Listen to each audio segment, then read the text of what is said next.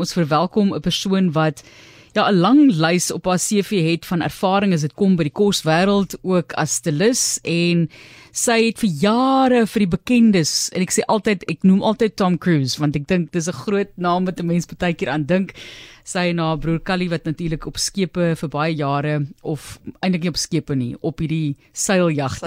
Die fancy fancy die super seiljagte vir vir mense kos gemaak het.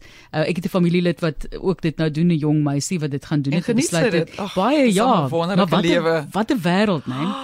Dis 'n ongelooflike wêreld, maar ja, so dit is ek dink regtig 'n geleentheid vir iemand om die wêreld te verken, maar daaruit het toe nou jou hele hele loopbaan eintlik gevloei as dit kom by kos en die afgelope tyd was jou fokus vegans. So hoekom vegans? Hoekom dink jy is dit so 'n ek wil amper sê 'n groot fokus vir mense. Ek wil gesê die eet woord in die kosbedryf die afgelope ruk.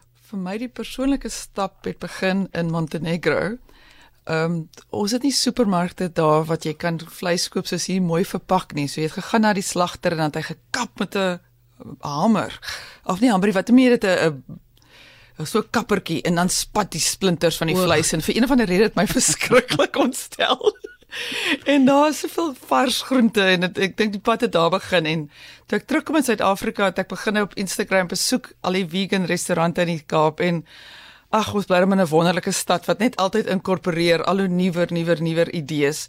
En ek dink mense moet dink aan veganisme amper soos 'n hele nuwe kookkuns soos wat jy jou braaiboeke doen, Italiaanse geregte, Franse kookings. Ek dink is 'n hele ander reëls oor hele ander dinge. Dis 'n ongelooflike nuwe pad. En jou interessantste vegan tendens die afgelope tyd wat jy raak gesien het? Ek dink, ehm um, vir my interessant. Ek dink mense het eers teen dit geskop, maar om vleis na te maak. Ek ek self het eers gedink want ek is 'n alleseter of soos my broer sê, rys en vleiseter.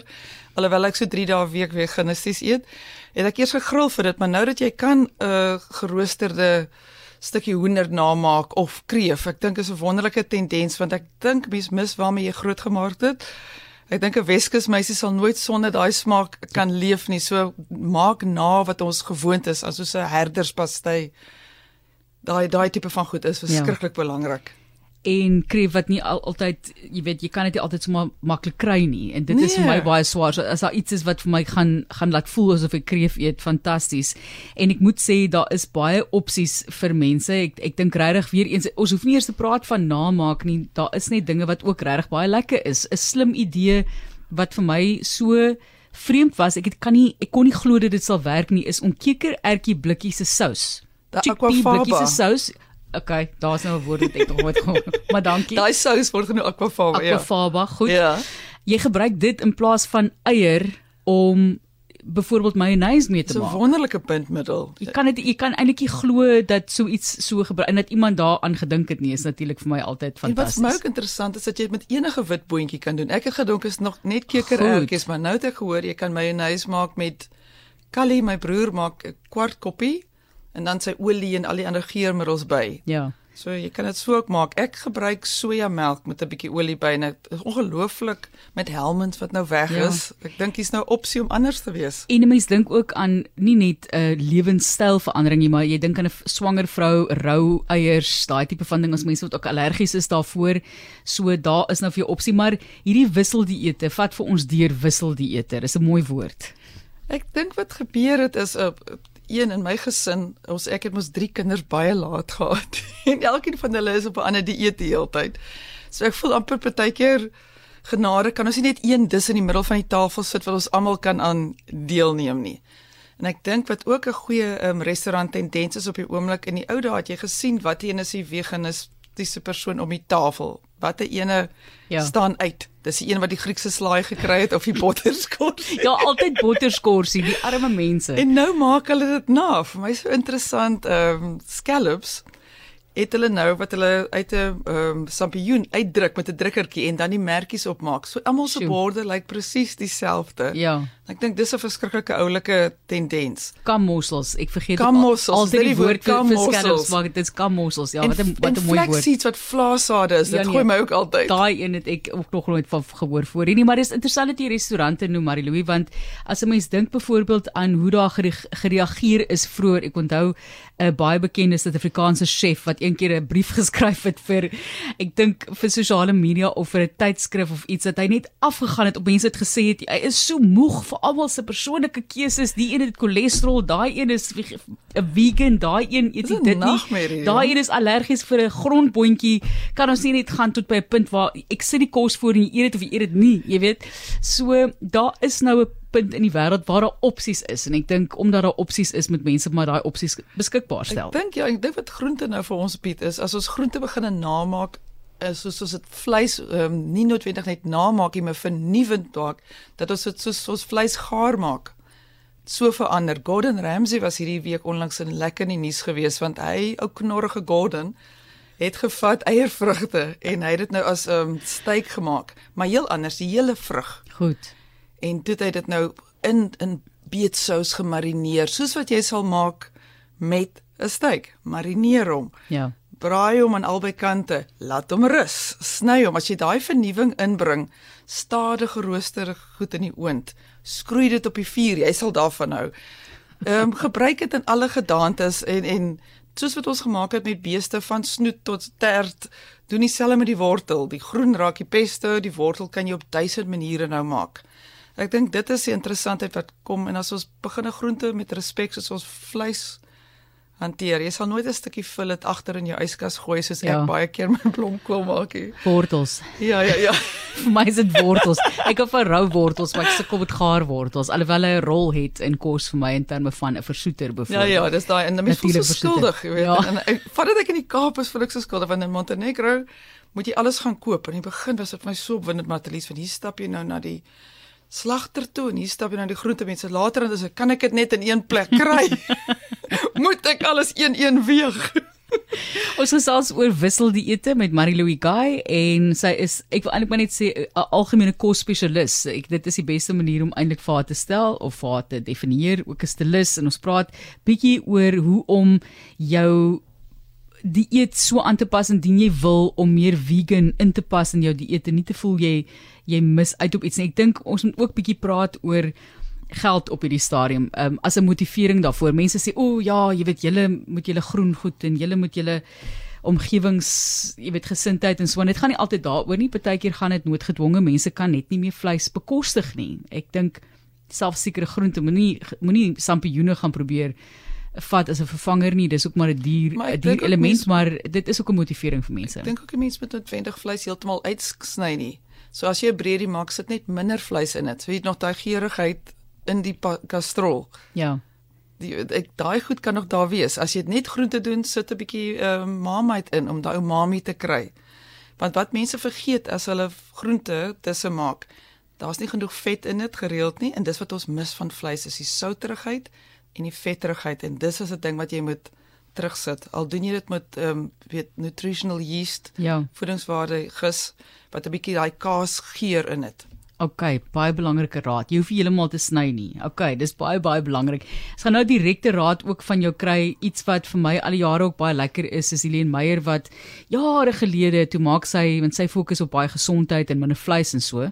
Toe maak sy 'n tipe bolognese, maar in plaas van vleis gebruik jy lensies. Dis En heerlik. wat 'n- ek kan nie vir mense beskryf hoe ongelooflik geurig daai gereg is as jy dit maak nie. So En ek dink as mens dink dis amper lekkerder as die vleis, dis sodra 'n nuut skepping is 'n lensie pot wat baie lekker is. Goed, nou moet jy ons vat deur jou wenke, alles van frikadelle tot byvoorbeeld seegrasvlokkies wat ons kan gebruik. Seekos is ook net so duur. Ek dink wat baie mense wat ehm um, vleis en vis opgee baie mis is om som seekos te eet saam met hulle vriende. So wat ek nou gehoor van 'n paar vriende is om seevlokkies by te sit en dink ook aan goed so sien ons dink nou aan kreefslaai. Dis baie keer die sous wat jy mis. Eerder as die as die tekstuur homself. So ek het nou gehoor van ehm um, jy kan heart of palms of palm harte gebruik en saam met jou mayonnaise meng. So dit kan heerlik wees. Dink ook aan Maar dit is net so silly. Ek het 'n foto maak. Ek neem ek heeltemal aandag af. Ek is baie jammer. Ek neem so foto's van gaste baie keer in die ateljee. Dan dink ek ook verbinding is Jammer, julle. ja, Ek het jammer, geneem, jammer, jammer. Martelies, My skuld. Jammer, jammer. Ehm um, as jy nie met eier wil bind nie, is daar baie ander goed wat jy kan gebruik. Jy kan chia saadjies gebruik wat jy eers moet uitswel. Luister, die eerste keer wat ek dit geëet het, het ek dit droog geëet. Moet dit nooit doen nie, hoor. Dit swel in jou keel. O, jette. Jy moet dit eers oplos. Die chia saadjies so klein swart saadjies en dit maak so 'n jelly uit. So dis heerlik om byvoorbeeld um, ehm um, ertjies en goedjies te meng om jou eie frikadelle mee te maak as jy jou lentsies en daai goed gebruik as jy dit daarmee wil bind. Vlaasade okay. is ook baie goed met dit. Ehm um, aquafaba, enige kekerertjies, Sous, sous dit Blik- help blikkie sous? Ja. vlaasade, flaxseed, onthou dit. Dan wat baie oulik is op die oomblik in hierdie koue winter daar dink ek is 'n kaas fondue.